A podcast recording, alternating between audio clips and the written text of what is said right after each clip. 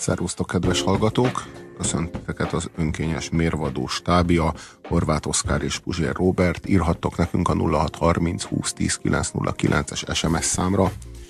50 éve született Kurt Cobain, a Nirvana frontembere, és a, a Beat nemzedék utolsó hiteles tagja. Nem tudom, hogy ezzel akartok-e vitatkozni, minden esetre megtehetitek a 0630 2010 909-es SMS számon. Az mindenki számára elég nyilvánvaló volt, amikor Kurt cobain látta, hogy valami, valami elementáris történt a, a rockzenével. Valami, ami a 60-as évek óta aludt, szunnyadt. Valami, ami teljesen elüzletiesült, és valami, ami ilyen, ilyen melírozott lett. És ilyen, ilyen, ilyen külsőségekben topzódott már évtizedek óta. Valami, ami, ami kiüresedett volt ennek a beat nemzedéknek egy, egy saját hangja, egy saját programja, egy saját víziója, volt elképesztő mennyiségű energiája, és valahogy a 60-as évek elmúltával, a 70-es évek beköszöntével ezek az energiák kimerültek, ezek a hősök, ezek megfutottak, vagy megalkuttak, a, a, a, és megosztódtak. Elkezdődött egy olyan kísérletezés, ami megszüntette ezt, a, ezt az irány egységet. A kommunák ö, álma helyére belépett a hatalmas úszómedencés villa e, víziója, és valahogy az mindig, mindig közelebb volt, mindig inkább karnyújtásnyira volt a, a, a kabrió sportautó, mint egy, mint egy egy igazságosabb társadalom, vagy mint egy, vagy mint egy felszabadított tudat. Gondolja arra, hogy a minidisk és a CD mondjuk versengett egymással a, a kegyeinkért, vagy a, vagy a magnó kazetta és a,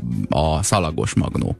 És a végén az egyik győzött, aztán az az egyik is eltűnt. Na most ugyanígy a, mondjuk a 60-as évek közepén a fejét felütött beat korszaknak kortársa a marketing ha, ha ezt akarod megfigyelni. És vagy a hippi nemzedék mellett az 50-es évektől ö, a, egészen a mai napig nőttek ki a bevásárlóközpontok és a plázák és ezek a department store-ok. Ott előtte teljesen más volt Amerikában is a vásárlásnak a módja. A bit nemzedék nagyon súlyos kihívás elé állította, állította az amerikai intézményrendszert. Az volt a, a, a nagy dilemma, hogy hogy ha, szabad-e hagyni? Szabad-e hagyni ezt a folyamatot, és ha nem hagyjuk, akkor mit tehetünk ellene? Mit tehet Amerika egy nemzedékkel, amelyik látványosan égeti el a behívóit, és nem bujkál a háború elől, hanem tüntet a háború ellen.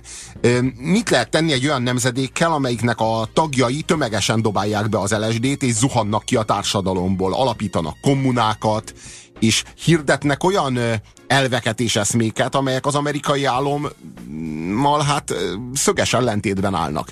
Mit lehet tenni ezzel a nemzedékkel? Mi van akkor, hogyha ez végig söpör az egész társadalmon, és komplett társadalom kihull a, az intézményrendszerül előkarjaiból?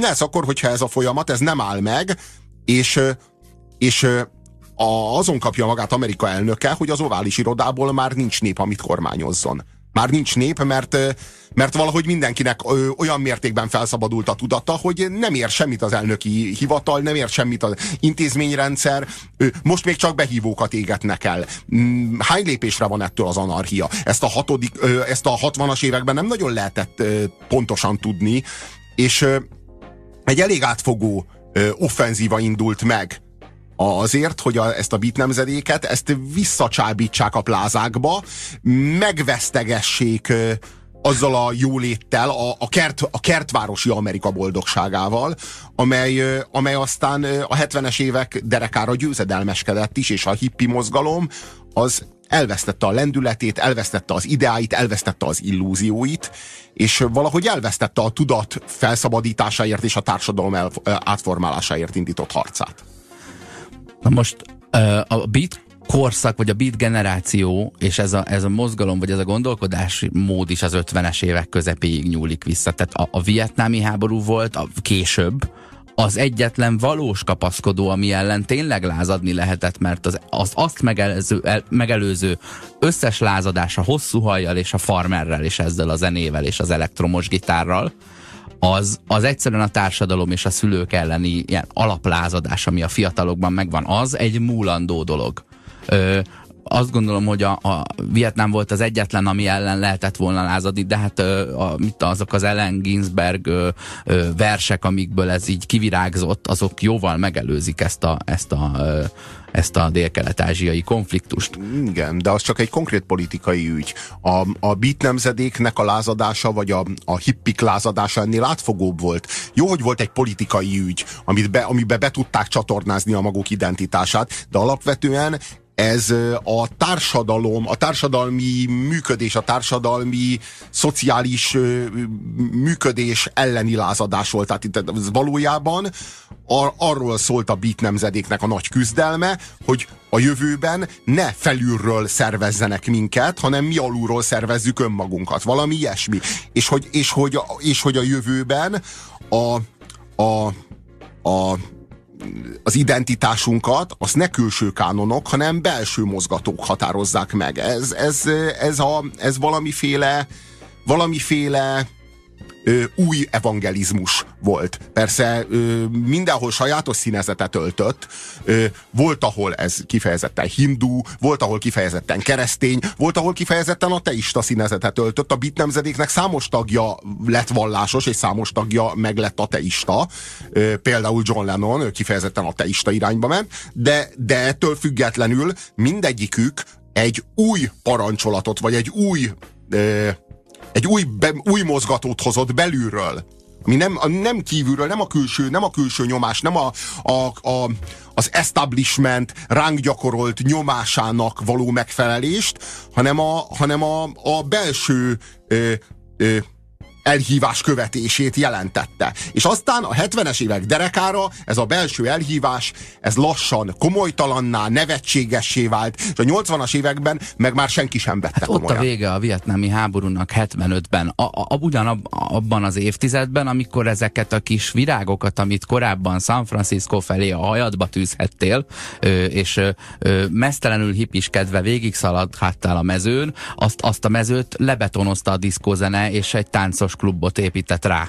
Ö, és, és, ott, és ott vége volt. Mégis azt állított, hogy Cobain lett volna szerinted ennek a, ennek a nemzedéknek valamilyen utolsó utolsó alakja? A 80-as éveknek a diszkó hulláma az a rockzenében is kifejtette a maga hatását. A rockzene is eldiszkósodott a 80-as években. Ismerjük ezt a glam rockot. Azt, a, igen, a, a, a hajrock, a igen, hajmetál. Igen, igen, a hajmetál. Ami, am, amikor ami a... ilyen szomszédok fodrász Juli haja volt férfiaknak. És tökéletesen melírozva. És, és, és, és, és tökéletesen stylingolva. Tehát az volt az élményed, hogy itt vannak a, a lázadók, akik hosszú hajat ö, viselnek, és a akik úgy viselkednek, mint hogyha most itt fölforgatnák a világot, de közben meg azt látjuk, hogy egy ilyen stylist az, az milliméterre pontosan belőtte a sérójukat, meg előírta az öltözéküket, és így egymáshoz öltöztek, pont úgy, mint az Abba, meg pont úgy, mint a Bee Gees. Tehát a, a glam rockot el, elnézve az volt az embernek az élménye, hogy a rockzene is meg lett hamisítva. Mert a diszkózene nem lett meghamisítva, az egyszerűen hamis.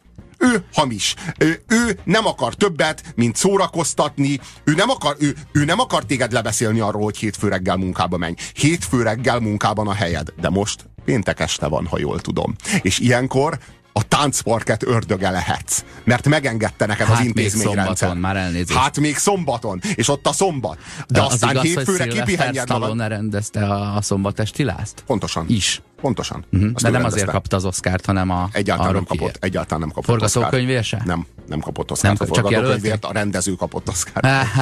Stallone nem kapott Oscárt. Minden esetre, Mondod minden... ezt a Melír párhuzamot, arra vigyázz, hogy a Cobainnek is egész karrierje során be volt festve a haja, majd hogy nem melírozva. De, de, a, de a Kurt Cobainnál kapcsolatban az volt az élményünk, hogy ez az ember, ez valami valóságosat hoz, valami hiteleset hoz, valami, valami igazit hoz, valamit, ami, ami, és ez lett végül is a grunge. Akkor még nem tudtuk, hogy ez lesz a grunge, akkor még csak a nirvánát tudtuk, akkor még, még, még nem tudtuk, hogy, hogy itt majd jön a Stone Temple Pilots, meg az Alice in Chains, meg a Pearl Jam, meg jön a Soundgarden, meg, meg jön a Smashing Pumpkins, meg egy egész, egy egész, egy egész irányzat fog kinőni ebből, akkor még csak a nirvánát láttuk. És az volt mindenkinek az élménye, a komplet X generációnak az élménye, hogy itt most valaki újra hiteles 25 év után. Tehát 25 éve nem történt meg, hogy a rockzenében valaki hitelesen meg tudott szólalni, és talán pont attól, hogy, hogy fölvette a nagyitól kapott kardigánt, azt a, azt a horgolt kardigánt. Azt, ami egyáltalán nem volt rock and roll. Tehát, hogyha valami nem volt rock az a, az a horgolt kardigán volt. És az, ahogyan ő ezt fölvette, és amennyire hitelesen tudta ezt a, ezt a saját maga által hazúról hozott háztáji fejlesztésű depressziót egy kulturális nyelvbe ágyazni, és, és azokkal a zenékkel, és azokkal a és főleg, és főleg azzal az előadásmóddal ö, vegyíteni, ezzel gyakorlatilag egy új irányt szabott a 90-es éveknek. Azt írja nekünk a kedves hallgató, hogy Lennon krisnás volt. Hát lehet, hogy krisnás volt, de hogy ateista, azt tuti. Most, hogy nem tudom, hogy mennyire lehet krisnás az, aki ateista, vagy mennyire lehet ateista az, aki krisnás, de hogy ő, én több interjúját is olvastam, és ő ilyen nagyon-nagyon büszke istentagadó volt. Most lényegtelen, de a szombatesti lázban John Travolta volt. Hát köszönjük, köszönjük szépen a megfejtést, senki nem állította, hogy a Stallone játszott a szombatesti De nem lázban. is kérdezte. Az, az, az, az volt a megfejtésünk, hogy a, a Stallone rendezte. Értjük? Rendezte. Ö, és ugyebár Kurt Cobain is csatlakozott a 27-esek klubjához. Ugye a 27 éves korukban meghalt rock sztárokról van szó. Ugye ide tartozik Jim Morrison, ide tartozik Jimi Hendrix, ide tartozik Janis Joplin, hogy csak a nagy elődöket említsem. De hát vannak egy páran. Szóval, szóval ez az, ez az életkor, ahol azok, akik nem ö, körzővel és vonalzóval szerkesztik össze az alkotásukat és a karrierjüket, miután megismerték a közönséget, hanem csak magukból vesznek valamit, oda teszik a közönség elé, és csodák csodája működik. Ugye ezek ilyen 20-23 éves között szoktak lenni. Ö, ezek leélnek egy Beatles méretű karriert, ugye a Beatles zenekar négy éven keresztül koncertezett. Ez egy tíz évig létező zenekar, és négy éven keresztül léptek fel mindösszesen. A Beatles nyolc éven keresztül létezett mindösszesen. Akkor nyolc évig léteztek, és abból négy évig koncerteztek. Tehát a 23 évhez hozzáadod ezt a négy évet, és utána, utána pislogsz körbe, hogy te jó Isten, és akkor most holnap mit csináljak? És erre, erre a kérdésre tud, tudja a Rolling Stones a választ hogy hogy kell ezzel szembenézni, és erre a kérdésre nem tudták át ennek a 27-es klubnak a tagjai a választ. Közben én megnéztem, az hmm. Életben maradni című filmet rendezte a Sylvester Stallone, ami tulajdonképpen a szombatesti láznak a, a folytatá, folytatása, aha, második aha, része. Semmi Krishna, Lennon a kínaiakat szerette, a csaja is kínai volt. Hát az Japán volt már, bocs. Most a Buka, Bukarest, Budapest. Visszaszaladtunk a 80-as e... években, amikor ez, ez még minket nem érdekel. Igen.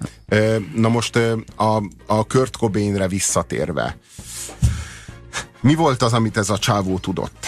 Mm, túl azon, hogy depressziós volt, túl azon, hogy hogy nagyon nagy művészi erővel tudta kommunikálni a nemzedékének az élményét, mert azt tényleg tudta, és szinte, szinte csak ő tudta, és szinte páratlan érzékkel tudta mi az, a, mi az amit a, a Kurt Cobain hozott, vagy mi az, amit a Kurt Cobain igazán tudott.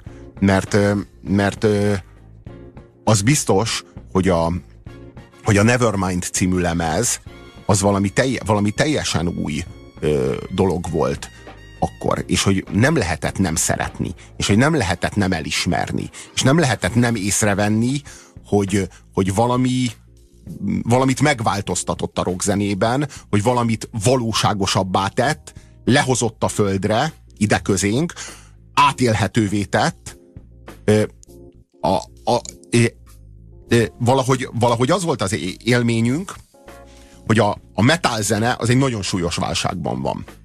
Ugye ez a, ez a metal hattyúdala. Ez a, ez a 90-es évek eleje, itt, itt temetkezik a metal zene éppen és miközben a metal zene temetkezik, mert, mert valahogy elglemmesedett, és valójában a én emlékszem a Megadethnek a Symphony of Destruction című számára. Talán az volt az utolsó ilyen igazi nagy metálos ö, ö, produkció, ami, ami, aminél még azt érezte az ember, hogy na még a metal egy utolsót rugott. Ö, aztán a Black Albumra is emlékszünk, a, a Metallica-nak. Ez volt az a lemeze, amelyel tulajdonképpen a, az ortodox metálosoknak a számára egyszer is mindenkorra lezárult egy korszak. A metál ki lett exportálva a tömegeknek. Volt pofája egy társaságnak négy perc alatti számokat vágni egy lemezre. meg rockballadát, meg rockballadát, meg, meg, négy számmal eladni egy, egy, egy albumot. Jó, azért a Nothing Else Matters az több volt annál, mint egy négy szám alatt, négy perc alatti Nem, szám. A, előtte, az egy, Mi az állítás? Hát a rockballada születése. Hát az a, az a, a, a csajok számára is bugyinedvesítően ható ö, ö, ö, ö, nyálaskodás, érzelgés, olyan csávóktól, akik deklaráltan a legkeményebbek a zenei világban. Mm-hmm. Érted? Tehát, hogy ott valami meghasonlott. Tehát ez mondjuk az Extreme More Than words van egy ligában, és messze nem a Zeppelin Stairway to Heaven-nel. Csak Igen. az is egy ballada, de nem lassúzós házi bulihoz. Valahogy az embernek az volt az érzése, hogy ez az egész rockzene, ez megromlott megromlott. Megrontotta a pénz, megrontották a gátlástalan producerek, megrontotta a hajlak, megrontották ezek a, ezek a stylistok. Valahogy, a, valahogy már minden fellépés igazából a turnébuszban kezdődött, és a turnébuszban végződött. És a turnébusztól turnébuszig való elvergődés, az meg egy ilyen nagyon profi módon lehozott hakni volt. És, és mindenkinek ez volt az élménye a rockzenéről. És akkor jött Kurt Cobain és a Nirvana, és ezt az egészet felülírta. Ezt az egészet megváltoztatta. Jött valaki, aki nem királykodott. Egyetlen percet se. Nem, nem az jött le a színpadon, hogy úristen, mekkora eszetlen nagy király vagyok, na most kiválasztom azt a négy csajt, aki velem jöhet a turnébuszba.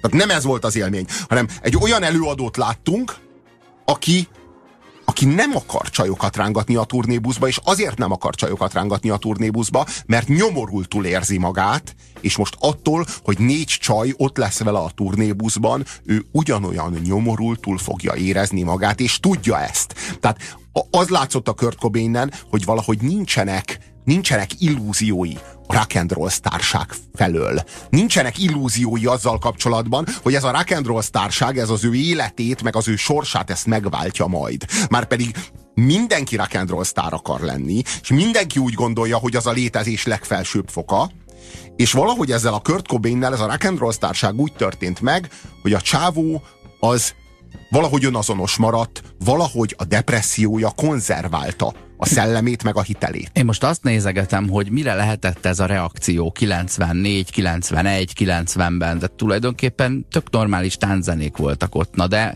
lehet, hogy erre az egészre mond ő. Egyrészt a glam rockra, másrészt az elektronikus tánzenének, ugye a diszkon és a szinti popon keresztül. Szépen így érkezünk meg a dance floorba, vagy dance-be, vagy nem tudom, hogy milyen, de party, ez a, a ebbe a CNC Music Factory világba, és ő meg, ő meg szerintem úgy volt vele, hogy én rockzenét szeretnék játszani. Nem tudom igazából miért, vannak dolgok, amiket el szeretnék mondani.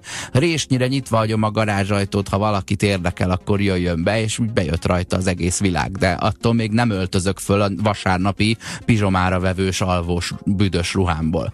És, és ebben letolta ezt az egész karriert szerintem itt, a, itt az emberekben már megfogalmazódott valami olyan, hogy ők maguk szeretnék kiválasztani, hogy kit tartanak hitelesnek, ami később ugye a YouTube sztár építés volt, ami ke sokkal kevésbé hasznos, vagy jó eredményt hozó, mint, mint ez a mozdulat volt. Itt, itt az alternatívat, az alternatív, magát alternatívnak állító művészetet választották meg új hercegnek. Igen, igen, és va- va- valami volt Kaliforniában, ami ami 60-as években még az igazi volt, aztán a, a mm, Metallica képében San Franciscóban gyökeret vert, aztán egy nagyon erős brandé vált, és aztán valahogy, valahogy kiürült.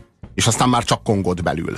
És azt gondolom, hogy a Kurt Cobain-nel meg a Nirvánával húzódott ez föl Washington államba és Seattle-be, és lett egy, egy utolsó nagy hulláma ennek a rockzenének még Seattle-ben, pontosan ennek köszönhetően, Azt gondolom, hogy akkor és ott a 90-es évek első felében, Seattle-ben ez a magatartás, amit a Kurt Cobain gyakorolt, ez, ez elterjedt, ez úgy terjedt, mint a vírus. És, és, és lett, lett belőle egy ilyen kvázi járvány, és ezt hívjuk ma úgy, hogy a grunge.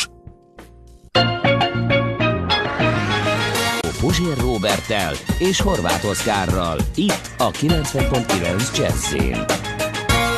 Kaptunk kérdéseket a, a Kurt Cobain 50 évvel ezelőtt született Kurt Cobain megítélését illetően, például a Nevermind című albumra vonatkozóan. Ki volt annak az albumnak a producere? Kérdezi a hallgató. Már mint a Nevermindnak. Nem lehet, hogy a producer is nagy befolyással volt?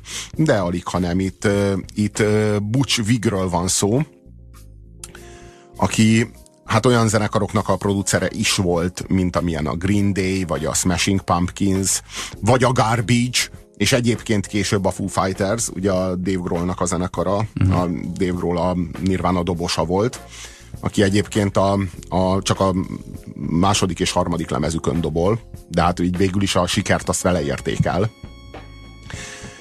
Érdekes a megítélése a, a Dave Grohlnak. Egyébként, egyébként annyira a legnagyobb dobása a Vignek ez a, ez a Nevermind, hogy ő neki az a beceneve, hogy The Nevermind Man tehát, hogy ő az, aki a Nevermind-nak a producere.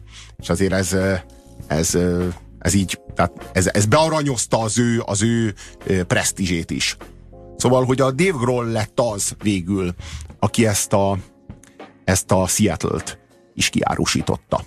Végül is ő lett, a, ő lett az, aki a Nirvana eh, hamvain, vagy sírhalmán egy belevaló, tökös,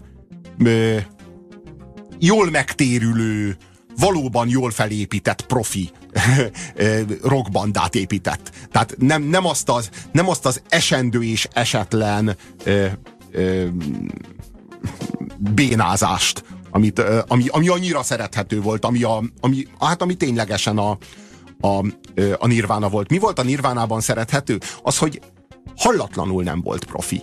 Tehát ha épp ellenkezőleg végtelenül, végtelenül esetleges volt, és és, és esetlen és esendő, megint csak ezeket a jelzőket tudom hozni. Na most a, a Foo Fighters az minden, csak ez nem.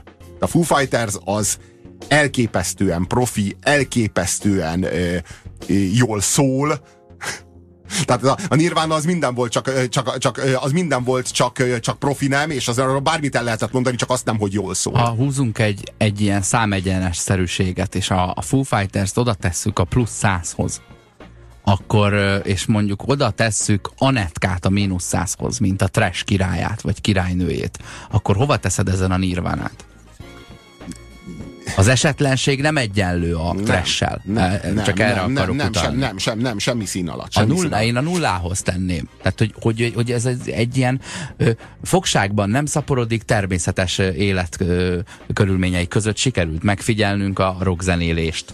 Véle, véletlenül, amire a, a kamerák elé került, addig elfelejtettük megfésülni, bezselézni, brillantinozni, bőrcsekit adni rá, szegecseket, elvisztáncolásra megtanítani, rágózni csámcsogva, ostoba white trash ribancokat megrángatni az öltözőben a, a, a Dómuszáruház mintás kanapén. Ezt mind elfelejtettük, mert túl hamar került a, kam kamera elé ahhoz, hogy beavatkozhassunk. Mindenki úgy gondolja, hogy a, hogy a, a Kurt Cobainből abból nem lett volna semmi, még itt is elhangzott az imént, az Oszi szájából a zene alatt, hogyha nem hal meg, hát akkor ma, ma már senki se lenne. Ö, nem lehetünk erről teljesen meggyőződve. A halál az nem kizárólag a heroinnak volt köszönhető. Ugye heroin szedett, ne, szedett.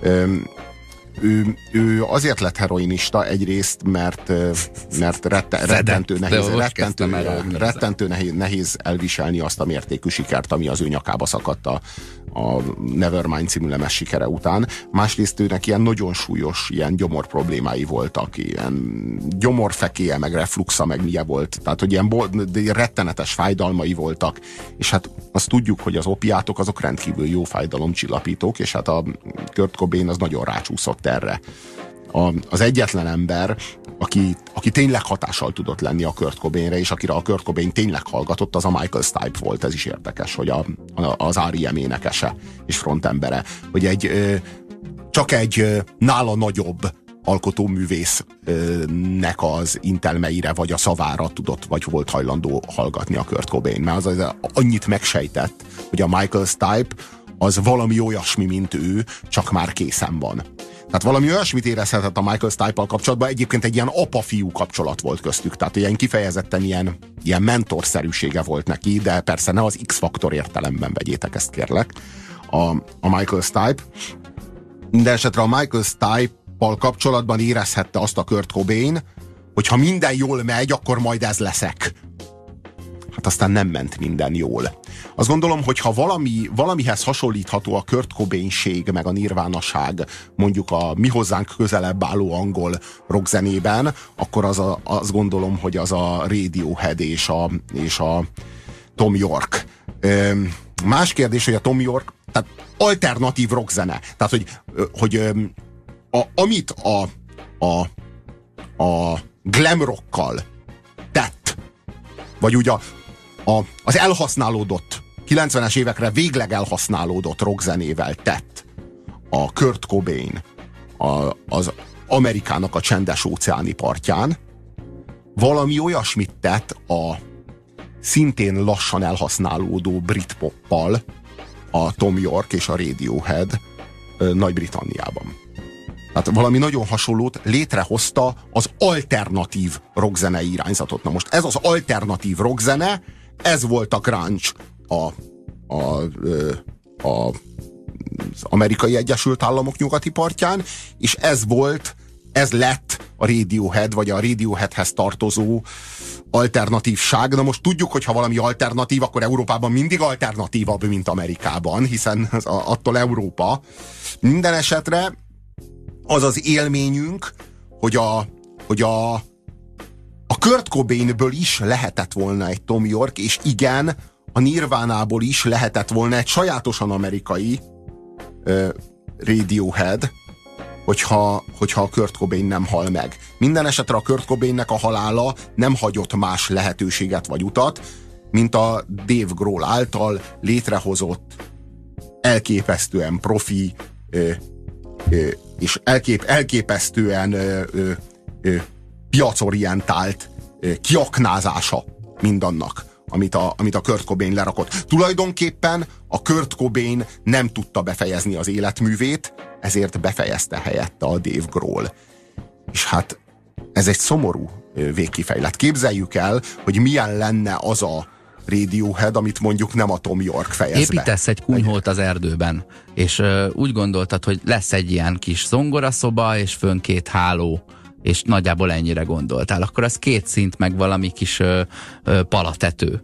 És az első szintnél meg, meghalsz, és előlép a, a, az izmos, uh, sok, sokra vágyó bátyád, és azt mondta, hogy nem baj, Oszi, majd én befejezem. Mit is mondtál, hány emeletet szeretnél? 107? és, és megcsinálja. Igen, ilyen is van. Azt írja a hallgató, a, szerintetek nem ízléstelen, hogy Vird Aljankovics a, Kurt Cobain halála után parodizálta ki őt? Hát én azt gondolom, hogy ez, ez, ez, ez legfeljebb, ezt legfeljebb te a halála után láttad. Tehát a, az In Utero című album után valami fél évvel vagy egy évvel halt meg a Kurt Cobain. Na most a Virdal Jankovics az még a Smells Like Teen Spirit-et ö, parodizálta, az valamikor az azt követő egy-két évben történt, 93-ban jelent meg az Inutero, 94-ben halt meg a Kurt Cobain. 92-es a, a, a Smells Like Nirvana című Virdel paródia. De erre gondol a, igen. a kolléga? Biztosan nem volt még egy másik? Vird, Virdal neki esett még egyszer a Mit tudom Kurt Cobainnek, vajon? Egyébként, ha megtaláló, meg jól sikerül, akkor teljesen mindegy, hogy él az illető, vagy hal. Ha meg olyan jelentőségű, mint a Kurt Cobain, és életében nem készült el a paródia, akkor készüljen el halála után.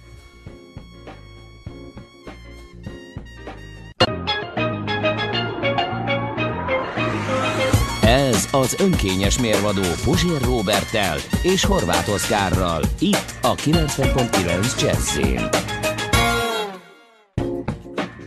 Azt írja a hallgató, hogy a Nirván a legjobb száma David Bowie. Jó, én értem, hogy te mire gondolsz, kedves hallgató, te a Man Who Sold the World című számra gondolsz, amit a Kurt Cobain és a Nirvana előadtak egy MTV Unplugged előadás keretében, és ennek e, ez aztán nagyon-nagyon ismert lett, meg nagyon felkapott lett, és nagyon-nagyon sokan innen ismerik a David Bowie-nak a Man Who Sold the World című számát, ami egyébként David Bowie előadásában is kiváló, és egyáltalán nem igaz, hogy a Nirvana annak ez lenne a legjobb száma, mert egyáltalán nem igaz, hogy nem is a Nirvánának a száma, egyáltalán nem igaz, hogy a Nirvana az ettől lenne jelentős vagy fontos. Legfeljebb te ennyit ismersz belőle. Kurt Cobain vesztét Courtney Love okozta, akinél még Cobain garázsfala is agyasabb volt, írja a hallgató. Ezt is nagyon sok helyen a, olvastam, hogy a Kurt Cobain haláláért a, a Courtney Love a felelős, mert hogy a Courtney Love egy kurva volt. Én nem gondolom ezt így. Én nem gondolom, hogy a Courtney Love lenne a Kurt Cobainnek a haláláért a felelős. Lehet, hogyha nincs a Courtney Love, akkor már egy, mit tűnő, egy évvel előbb meg, megöli magát. Ha, Tehát, de nem... ha kellene egy tízes listát rajzolni az idegesítő hülye nőszemélyekről ö, ikonok közelében, akkor ott a Yoko Ono-val azért a ö, előkelő helyen végezne. De a Yoko Ono-nak van a, a, a jogos trón, trónkövetelő szerepe ezen a listán, aki kiült a John Lennon mellé egy koncerten pulóvert horgolni amíg az zongorázott. Igen, és a John Lennon gátlástalanul feltüntette az összes számának, például a, például a a Double Fantasy című lemeznek az összes számának társszerzőjeként a, a, a Yoko miközben mindenki teljesen nyilvánvalóan jól tudta, hogy Yoko egyáltalán nem tud se zenét szerezni, se szöveget írni, és semmi köze nincs a lemezhez, de azért odaírta, hogy a jog, jogdíjaknak a felét azt a Yoko a számlájára folyósítsák. Mi lett volna, ha ő is elkezd szerotonin visszagételgátlót szedni, kérdezi a hallgató, talán még ma is élnem. Lehet, ezt nem tudjuk. Azt írja a hallgató, hogy, hogy R.E.M.-re is halt meg Kurt Cobain a az Automatic for the People című lemez ment a mennyében, úristen, Discman. Tehát a, az Automatic for the People című R.E.M. album volt a mennyében a, a Kurt Cobainnek akkor, amikor szétlőtte a fejét. Én azt gondolom, hogy ez sem véletlen, azt gondolom, hogy ez is a Michael Stipe-al való meghitt bensőséges kapcsolatának tudható be.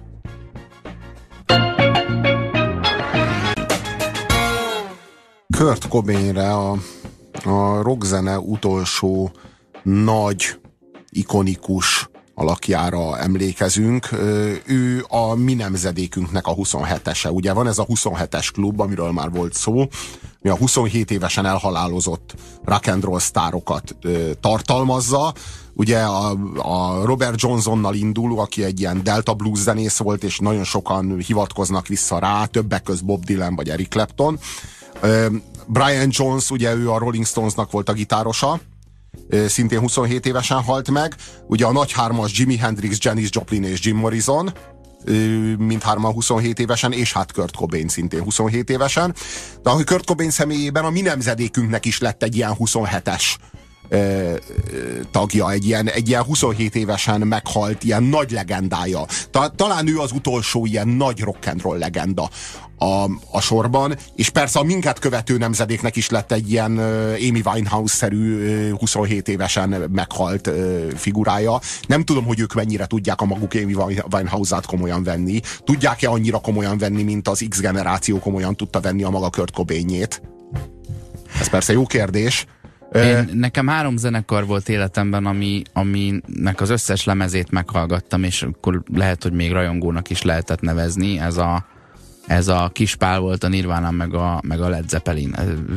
Lehet, hogy a kispál valahol össze volt nőve ezzel a jelenséggel, vagy egyszerre született, de Zeppelin elég távol áll ettől. Én ezt követően még a Jacksonnak sem hallgattam meg az összes lemezét, vagy mondjuk Benny Golsonnak, aki a kedvenc szaxofonosom, vagy Oscar Petersonnak, aki a kedvenc zongoristám akkor ez kifejezetten neked szól ez, a, ez az SMS. Mit szóltok a kispál kezdeti nirván lopásaihoz? A tankcsapdát már nem is említem.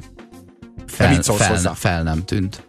Hát a, te, tőled, mint, tőled mint, mint akkor Nirvana rajongótól kérdezem, hogy a te számodra ez a Kurt Cobain kifejezetten miért volt érdekes? Téged mivel szólított meg? Engem, engem ez a trió formáció vonzott, és hogyha e, e, csak ezt vizsgálnánk, akkor tényleg a Kispál és a Borznál is ugyanab, ugyanabból a három hangszerből történik meg a zene. De mondjuk én mondjuk két-három albumnyi Kispállal meg voltam már fer, fertőzve 90-93 között, és közben jött be a képbe az, hogy a Nirvánából többet is ki lehet hozni, de még ott is csak egy-kettőnél tartottam, és akkor történt az, hogy, hogy, hogy 94-ben meghalt, én meg 94-ben mentem el egy évre külföldre tanulni, és akkor végighallgattam a, a maradéklemezeket is szorgalmasan. És, és egyáltalán nem, mondom, engem el, nekem előbb jött a kispál, és utána uh-huh. a Nirvana, hogyha uh-huh. minden igaz, de, de eszembe nem jutott párhuzamot keresni a kettő között de, de valahogy, valahogy mást jelent a, a, a, az alter, ha a kispárról beszélünk, és nagyon más jelent, hogyha a nirvánáról beszélünk. Hogyha a kispárról beszélünk, akkor egy sokkal kevésbé valóságos dolgot jelent. Sokkal kevésbé húsba vágó dolgot jelent. Sokkal kevésbé kell belehalni a kispál, kispálféle alterságba, mint amennyire magyar, bele kell de a magyar embernek azért kell jobban belehalnia, mert a magyar ember értheti a, a lovasi szöveget, amiben lehet, hogy te ö, szemfényvesztést találsz. Ö, nekem, én, én azoknál a számoknál, amelyek, amelyeket szeretek újra és újra meghallgatni, még 20 év távlatában is, azokban én valóságot éreztem. Ö, de azokat értem míg a Nirvánának a mondjuk a magyar rajongó táboránál és bármilyen szövegcentrikus, de jó, jól sikerült zenével rendelkező nyugati zenénél a kétlem azt, hogy különösebben utána mentünk volna a szövegeknek. Tehát mit tudom én, én, én, én pont azután éltem egy évig Amerikában, az Amerikában élés után 7-8 évvel mondom, hogy tudtam úgy angolul, hogy, hogy az egy, egy rendesen eladható valami, és ezt követően lehet, hogy visszalapoztam mondjuk 3-4 Nirvana számra, hogy na most mi is volt ez, amit ott hallgattunk, és akkor abban én érzek valamilyen értelmet, de messze nem annyit, mintha az anyanyelvemen szólított volna meg azért a kispált, ezért nem tudod összehasonlítani normálisan. Összehasonlíthatod a nirvánával, de a rád gyakorolt hatása a, kül a különböző anyanyelv miatt nem lehet azonos. Igen, de az utolsó forradalmár vagyok a városban. E, e, e, ennek a fajta megszólalásnak a szellemében hogyan kell meghalni, vagy ezt hogyan kell nagyon komolyan venni, vagy hogyan válik ez való, valóban drámaivá, vagy valóságossá. De nem éreztem ezt én sohasem valóságosnak, vagy húsba vágónak. Éreztem, hogy egy nemzedék megszólítva érzi magát benne. De azt is éreztem, hogy ez azért el van emelve. Tehát, hogy ez azért hogy mondjam, nem, nem kell annyira komolyan és annyira konkrétan venni, egy kicsit ilyen, kicsit van benne, van benne egy, egy kanálnyi szélhámosság. De Tehát, a, a, a, a, kis, a kispában többször van olyan, hogy beöltözik valaminek, indiánnak, vagy, ö, vagy valami állatnak, vagy ha tetszik forradalmárnak, és akkor ott farsangon eljátsza, hogy hogy érezné magát akkor, ha. Uh-huh. Uh-huh. Nem, áll, nem azt állítja, hogy Pécsen nincs még egy ember, aki ellene menne a, a mainstreamnek mint az, mint az utolsó forradalmár abban a konkrét városban. Nagyon remélem, írja a hallgató, hogy a mi generációnknak nem Amy Winehouse lesz a 27-ese. Csak van annyi körforgás a zenében is, hogy kapunk egy zeneileg is nagyobb bívülázadót. Nem hiszem, hogy végleg halott a rock, vagy inkább csak remélem. Hmm.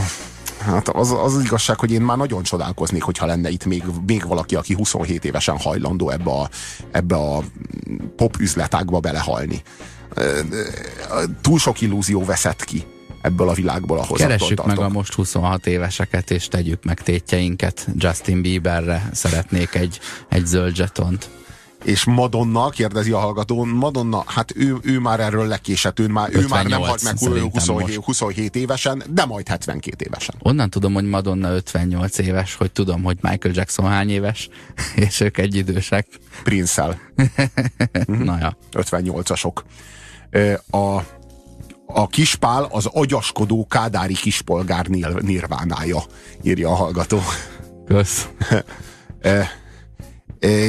Én nem mondanám, hogy a metal a 90-es évek elejére leáldozott, írja a hallgató, hiszen például akkor robbant be a Dream Theater, ami valami teljesen új szint vitt a metalba, ö, progrogba. Robbant be, új szint vitt az, az, az a helyzet, hogy a Dream Theaterrel kapcsolatban nekem mindig az volt az érzésem, hogy az már kifejezetten a rockzenének, vagy fogalmazunk úgy, hogy a metal zenének a válságára adott reakció volt. Tehát a, a, a Dream Theater kifejezetten egy, egy válságtünet, valami olyasmit jelez, hogy a, az illésnek már vége, de még egy, még egy, egy István a királyra telik. Vagy hogy fogalmazzak? Valami olyasmit jelez, hogy, hogy már nem lehet mozgalmat alapozni erre a fajta zenélésre, de még valami, valami sznobériát tudunk. Még azt rá tudunk feszíteni. Én ezt az egész Dream Theater vonalat, ezt, ezt tagadom egy picit. Értem, hogy zenészeknek csinálunk olyan zenét is, ami nem jazz és nem klasszikus, meg azt, azt, is, azt is gondolom, hogy a progresszív rock az egy olyan mérföldkő, amin megpihen a, a sok zenész a könnyű zeneiparban, amíg menetel előre, vagy amíg megtanulja a műfaját, vagy a sajátját, és közben felfelé nézeget, és onnan merít Kérdés, hogy hová akar eljutni, mert egy idő után ez nem elég. Tehát ez a progresszív rock, ez úgy, úgy hazugsága, hogy van, mert a progresszív azt kéne jelentse, hogy ezen keresztül fejlődik majd ki egy új generáció. Most ehhez képest nem a progresszív rockból fejlődött ki se a grunge, se a brit pop, se semmi, ami ma ö, rocknak megfelelő. Ö, én azt gondolom, hogy előtte is létezett Csikkora, Electric Band, meg ö, mondjuk Solaris, hogyha a magyarokat nézzük, most is van progresszív rocknak elnevezett dolog, de ez igazából jazz zene. Szeretik a metált, és ö, baromira tudnak zenélni, kicsit lematekolják ö, a ú, nem akarok hülyességet mondani, snarky papi, nem akarom összetéveszteni a két papit, az egyik az egy ilyen hörgős zenekar, a másik pedig egy, egy, egy ilyen matekos progresszív, utóbbi utóbbi olyan, ö, olyan, ami megint csak egy esztétikus élmény azoknak, akik, tud, akik ö, ki tudják számolni a zenét kottában is, de nem gondolom, hogy, nem gondolom, hogy az a progresszív út. Ezek, ezek zsákutcák, esztétikus, szép zsákutcák, okos tanult zenész emberek. Tudod, tudod, tudod mi, mi maradt vissza nekem ide a Dream Theater-rel kapcsolatban, benyomás? Ugye azok a metálosok, akik már levágatták a hajukat, mert szeretnének az üzleti életben azért valamire jutni, nem szeretnék, hogyha nem tudom én a vállukat, vállukat csapkodó fürtjeik miatt el, el, elesnének egy jó üzleti lehetőségtől, de azért még továbbra is hallgatják a, zené, a, a metál zenét, tehát a lélekben még metálosok, csak már fiúsaséró, na ő nekik készült a Dream Theater az önkényes mérvadó Puzsér Robertel és Horváth Oszkárral. Itt a 90.9 Jazzin. Hmm. Hozzászólások érkeztek. Amerika kispálya, a vízer, nem a nirvána. Tudálékos szemüveges kis nyomik. Attól függ, hogy ki Amerika ö, kispálya vagy Magyarország nirvánája, hogy te az A-ról vagy B-ről mit gondolsz. Pete Daherty majdnem meghalt 27 évesen, ő ikon lehetett volna Libertines. És a Maha, ma, Libertines. Csak érzésre, nem Próbáltam. tudom úgy. Ö, ö, és a Mahavishnu Orchestra, az nem matek, de nem is rock, az csak simán progresszív, írja a hallgató. De az is valami csík korából kinőtt ö, dolog. Meg a Weather Report ami, amihez viszont semmi köze, mert az meg, az meg ilyen Pastorius és és, és az osztrák billentyűs szint is Csávónak a projektje, de az is egy ilyen az is egy ilyen kicsit rokkal házasságot kötött dolog volt.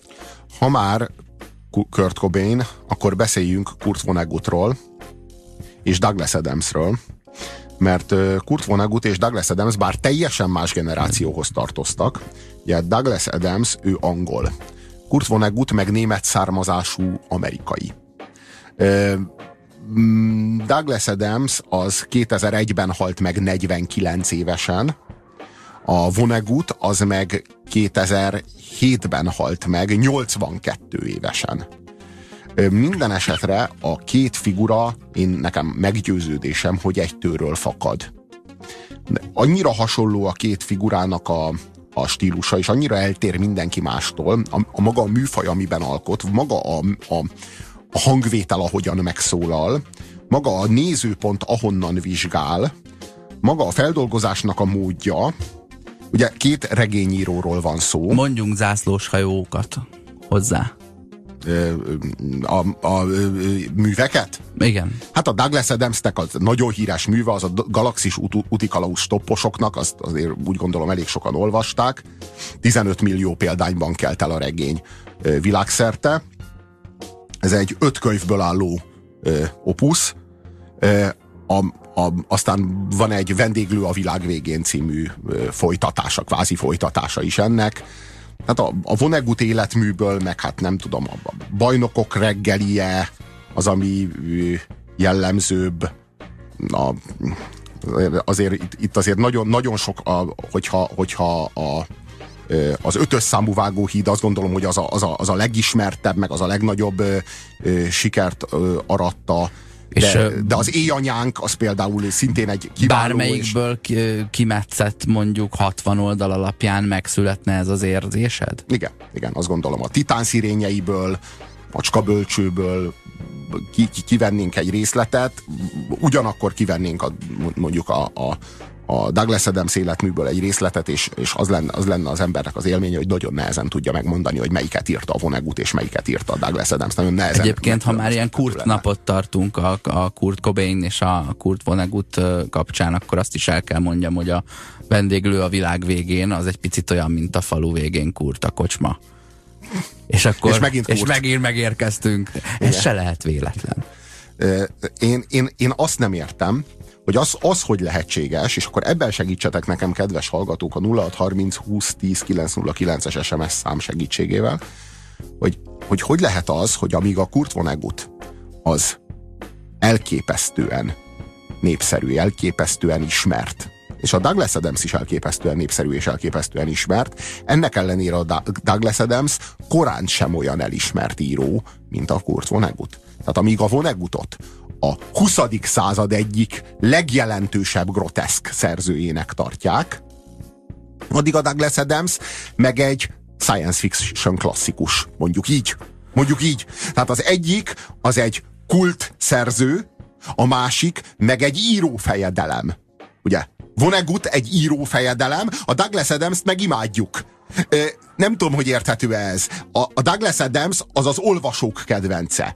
A Vonnegut az az olvasók és a szakma kedvence. Jelentsen ez bármit is. Tehát a, az akadémia, az, az irodalmár elit, mind-mind-mind nagyon nagyra értékeli, és magához emeli nem, Vonnegut, nem, a Vonnegut életművet. Nem egyszerűen egy generációs különbségről van szó, arról a 30 évről. Azért gondold el, hogy te leszel mondjuk a, a könyvkiadás, könyviparnak a meghatározó alakja Amerikában, akkor könnyebb felnézni valakire, aki idősebb nálad, és volt még plusz 20 éve hozzád képest megcsinálnia magát, mint arra, aki 10 évvel fiatalabb nálad, és százezerszer tehetségesebb, mert rá féltékeny vagy. Biztos nehéz, nehéz elismerni valakit, aki fiatalabb fiatalabb, mint én, és tehetségesebb, és nyilván könnyebb valakit elismerni, aki meg hát ott volt ö, ö, Dresda szétbombázásakor, mint amerikai katona, viszont mint német Németországban.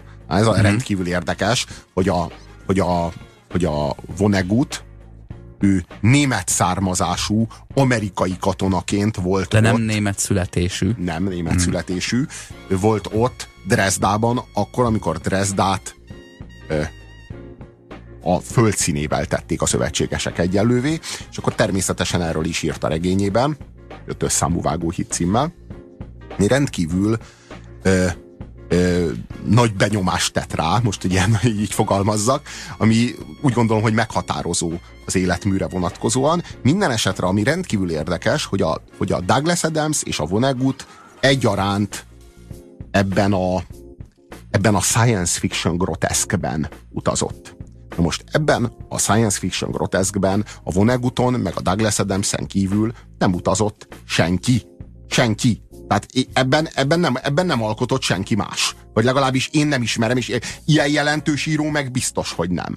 Tehát, tehát ö, itt valami, valami ö, probléma van. Tehát itt, itt valaki nem a maga helyén van kezelve, és azt gondolom, hogy nem a Vonnegut az, aki nem a maga helyén van kezelve, hanem a Douglas Adams az, aki, aki aki hát nem kapja meg azt, a, azt az elismerést, amit érdemelne. Ez a groteszk műfaj, ez, ez egy picit olyan, mint a progresszív rock, úgy érzem, hogy elindul valamilyen irányban, de mégsem abból nő ki az új generációnak a, a, a legkedveltebb stílus irányzata. De a groteszknek volt egy csomó klasszikusa a 20. században, akik rendkívül jelentősek voltak, például Örkény.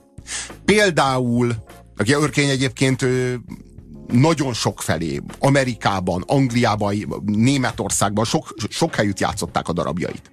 Vagy például Mrosek. Ők a groteszknek jelentős alkotói.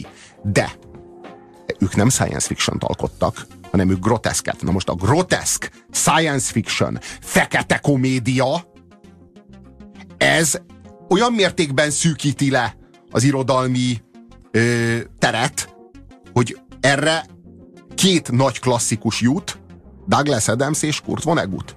És azt gondolom, hogy ahogyan Vonnegut megkapta azt az irodalmi elismerést, úgy a Douglas Adams hát nem. És úgy gondolom, hogy a Douglas Adamsnek a nagy irodalmi panteonba való beemelése az továbbra is késik.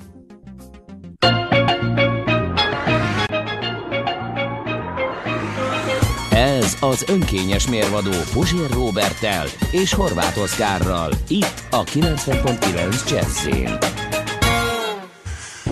Kaptunk üzeneteket. Boris Vian, kérdezi a hallgató, Ákos.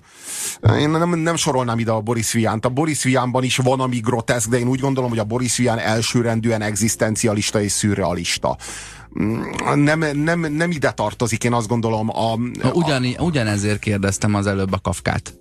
Igen, a Kafkánál született a groteszk, de a Kafka nem pusztán groteszk. A Kafka az egzisztencialista. Ö, és, és úgy gondolom, hogy valahol bizonyos értelemben az egész modernitás a Kafka, Kafka ból ered, vagy a Kafkából lép ki az egész modern irodalom. Tehát, hogy a Kafka az, hogy, hogy mondjam, a, a Kafkánál nem lehet műfajokat vizsgálni, mert olyan mennyiségű stílus és műfaj keletkezik, vagy lép ki Kafkából, hogy, hogy tényleg nehéz, nehéz lenne, lenne a Kafkát ilyen módon besorolni, inkább a, inkább a Kafkába lehet besorolni. Hát a Kafka inkább egy kategória sem, mint egy író, akit majd be kell sorolni valahova. Vonnegut kilépett a sci-fi zsánerből, Adams nem. Ezért népszerűbb Vonnegut írja a hallgató. Ez igaz. Ez igaz. Valóban. A, a, az Adams az mindig ezt írta. A Vonnegut az megírt sokfélét. A, a Vonnegut például az éjanyánkat, ami egyáltalán nem science fiction groteszk. Vannak benne groteszk elemek, de alapvetően az egy, az egy drámai cselekmény. Egy nagyon konkrét, lineáris drámai cselekmény. Ö, ami, ami, amilyet hát a Douglas Adams nem alkotott. Ö, Douglas Adams az egész életpályája során nagyon szoros együttműködésben dolgozott a BBC-vel. Elképesztő egyébként, hogy a BBC akkor milyen nagyságoknak adott munkát és adott lehetőséget, meg nyilvánosságot, hogy a Monty Pythonról, hogy a David Attenborough-ról, vagy hogy nem tudom. Ilyen a, magy- ilyen a magyar médiában az E plusz televízió, ahol egyszerre dolgozott Balázs, és Lilu, Lilu és még sokan mások. És Rákai Filip. És Ada. és Zsú. Mert ö, azt írja a hallgató, mert a science fiction az irodalom jazzze. A legkönnyebb komoly, vagy a legkomolyabb könnyű műfaj ez a magyarázat. De jó, de, igen, de a, de, a, de a Vonnegut és az Adams közötti különbséget nem világítja meg jól. Ö, csak méltatást ír Noémi, azt írja, hogy Douglas Adams egy bekezdésen belül tudta megnevettetni az olvasót és kritizálni a világot. Lásd a leírását a New Yorki taxisokról a Galaxis úti kalauzban. Mondjuk ilyen bekezdést ö, tudunk az utolsó órában is, vagy mi volt az utolsó a... éjjel. Uta, a 25th hour, az, az, az gyönyörű. Ö, Gábor viszont beszáll az összehasonlításba, ő azt mondja, hogy Adams nagyszerű és szellemes, de Vonnegut szerinte úgy is észlelte a világot, mint ahogy írt róla. Uh-huh. Uh-huh. Va, valahogy ö, sokan úgy tűnik valódibbnak, vagy valóságosabbnak érzik a Vonnegutot, vagy mondjuk nem annyira mér, mélyről jövő, mint az öreg lánc dohányosé. Azt hiszem, hogy enne, ennek, ennek van egy, van egy előzménye. Azt írja, hasonló a humoruk, de a Douglas Adamsnek kicsit olcsóbb a humora. Vagy mondjuk nem annyira mélyről jövő, mint az öreg lánc dohányosé, és így értelmes, de a gondolatláncok ö, ö, Douglas Adamsnél sokkal inkább passzolnak a hétköznapi olvasók ízlésével. Tehát akkor a Douglas Adams az közérthetőbb ez a megfejtés, de, de a Vonnegut is nagyon az. Tehát a Vonnegut, és, szóval ennyire hasonló két író nem nagyon van egy olyan zsánerben, amit egyedül ők alkotnak. Tehát rajtuk kívül ezt, ezt a zsánert, ezt a groteszk science fiction abszurd ö, dolgot irodalmilag nem képviselte más. Azt írja, azt írja a kolléga, hogy, hogy a Vonnegut amerikai kultúrába tudta csempészni ezt a kafkai német félig őrült zsenit. Most akkor ehhez képest lehet, hogy az Adams művelete meg az, hogy ezt a, ezt a réteg réteg sikert ezt a popularitásba tudta csempészni. Tudod, hogy mi a különleges a, a Kafkában? Ami, ami, amiben még nem, nem válik szét. Tehát azért nem lehet rá igazán azt mondani, hogy groteszk. Mert a Kafkánál még nem tudod, hogy amit, amit olvasol, az drámai, vagy tragikomikus. Nem tudod, a Kafkánál még nem tudod, hogy ezen röhög, vagy sírj. Még nem tudod, hogy, hogy, hogy ez, most, ez most komédia, vagy tragédia mert még, még, még nem tisztult le, még nem, még nem csapódott ki, vagy hogy fogalmazzak. Az abszurd, a társadalmi konvenciók lebontása, a groteszk, meg az emberi természet kifigurázása, írja a hallgató, és ezt, ezt azért írja, mert szerinte az abszurd és a groteszk az nem ugyanaz. Mm, egy, egyre komolyabb kritikákat kap a, itt a, a fogalmazás folytatásában az Adams. Azt írja, azt írja Gábor, hogy ha Cobain Vonnegut, akkor Adams lovasi. Az előző osz is hasonlatnál maradva, ő csak farsankor Vonnegutnak öltözik. Ez már sok azért, nem? Értem, értem. Én értem világos, hogy a Vonnegut életművet nagyon nehéz a Douglas Adams életmű mellé tenni, mert a Vonnegutnak komplett életműve van, de hát nem is halt meg 49 évesen, mint a Douglas Adams. Tehát nem is biztos, hogy el lehet várni a Douglas Adams-től, hogy, hogy a Vonnegutéhoz hasonló életművet rakjon le. Igaz, hogy a Vonnegut változatosabb. Ha ez így van, írja a hallgató, akkor Douglas Adams inkább egy epigon. Adams egy műves író. Ja nem. Adams egy műves író. A galaxis utáni négy rész már nagyon gagyi. Vonnegut legalább öt komolyat oda tett. Írja a hallgató. Mm. Én, én azt gondolom, hogy, hogy mind a Vonnegut, mind a Douglas Adams már kilép az abszurdból, és belép a groteszkbe. Tehát én azt gondolom, hogy mind a kettő belép a groteszkbe. Egyébként én úgy gondolom, hogy a, a, a, az örkény is belép a groteszkbe, és a mrozsek is belép a, a groteszkbe. Sőt, azt is kimerem jelenteni, hogy ha nem lett volna Slavomir Mrozsek, akkor az európai groteszk legnagyobb alakját örkénynek hívnák ma is.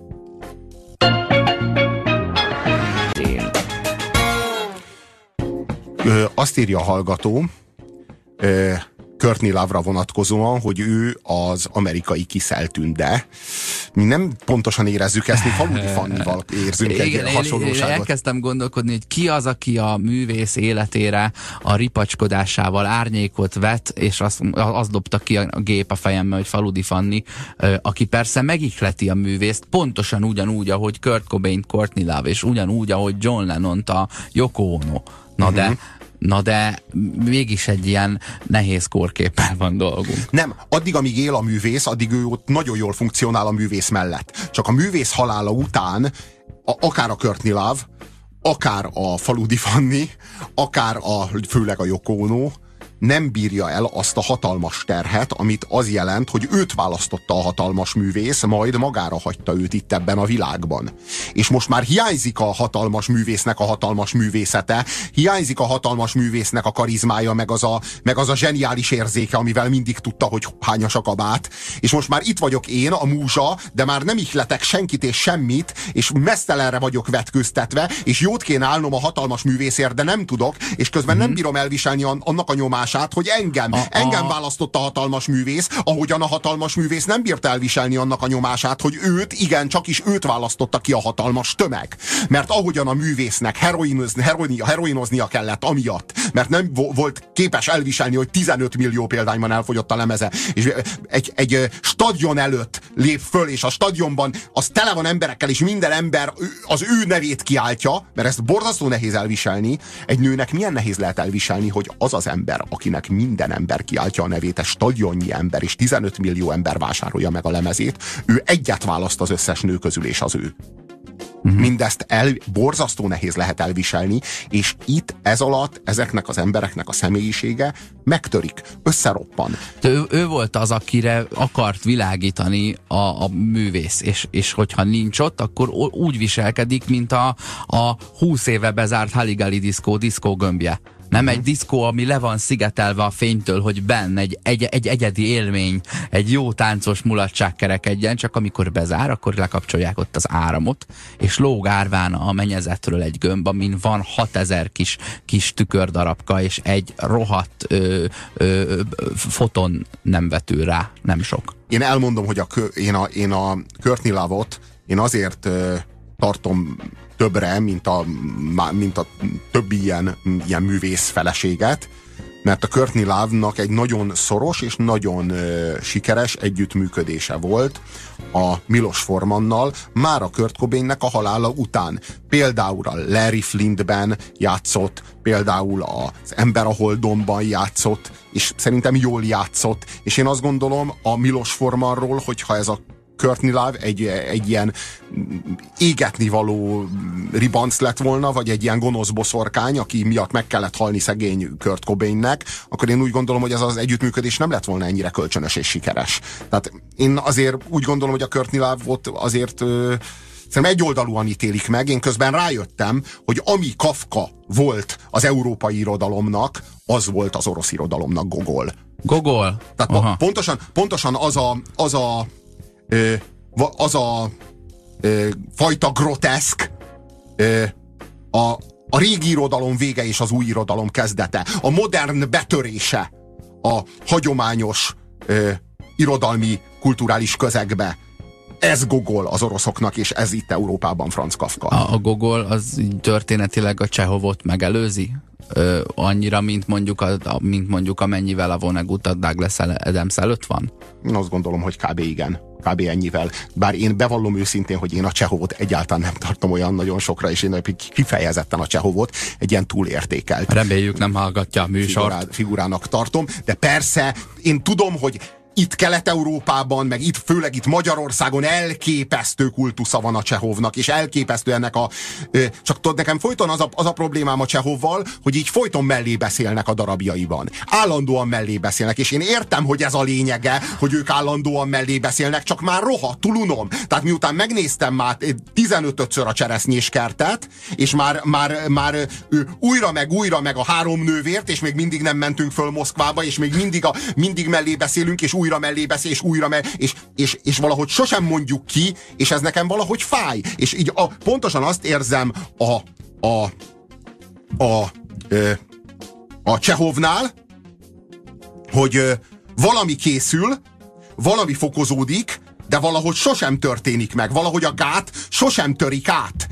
És az Ibzennél meg azt érzem, hogy ott megtörténik. És... Hogy az Ibzennél ezek a gátak áttörnek, azok a dolgok, amiket ki kell mondani, azok ki lesznek mondva, a, a, a valódi drámák megtörténnek, lejátszódnak, valahogy kifut a cselekmény oda, ahova tart. És ez valahogy a Csehovnál sosem történik meg, és én értem, hogy aki szereti, az ezért szereti, és el is magyarázza nekem, hogy pont ez a jó benne, de én valahogy nem találom benne én azt, hogy rá gondoltam, amikor itt e, ketten csettintgettük, és mondtad, hogy hú, az oroszoknál ki, a, ki a kafka, és mondtam, hogy az őrült naplójás csávó, miközben én a Csehovra gondoltam, de hát az a gogol.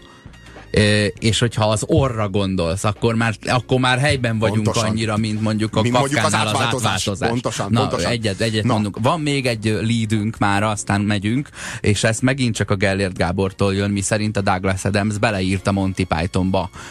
Itt, itt arról, arról hangzik el említés, hogy a Holy Grailbe, tehát a, a, a gyaloggalóba, de valójában csak egy sketchet írt arra az albumra, de látunk látunk Graham Chapman, Douglas Adams közös alkotásokat. Hát most figyelj, kollégák a BBC-nél. Ezt, ezt, ezt, ezt, ezt meg tudom érteni. Na Kellemes kis istálóról Milyen beszélünk. műhely lehetett ez a BBC a, a 60-as évek végén, a 70-es évek elején, és megkaptuk a nagy megfejtést a műsor végére.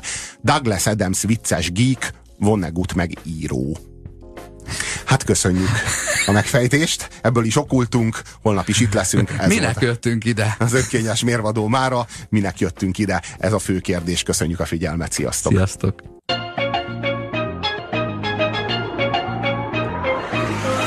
Köszönjük türelmüket!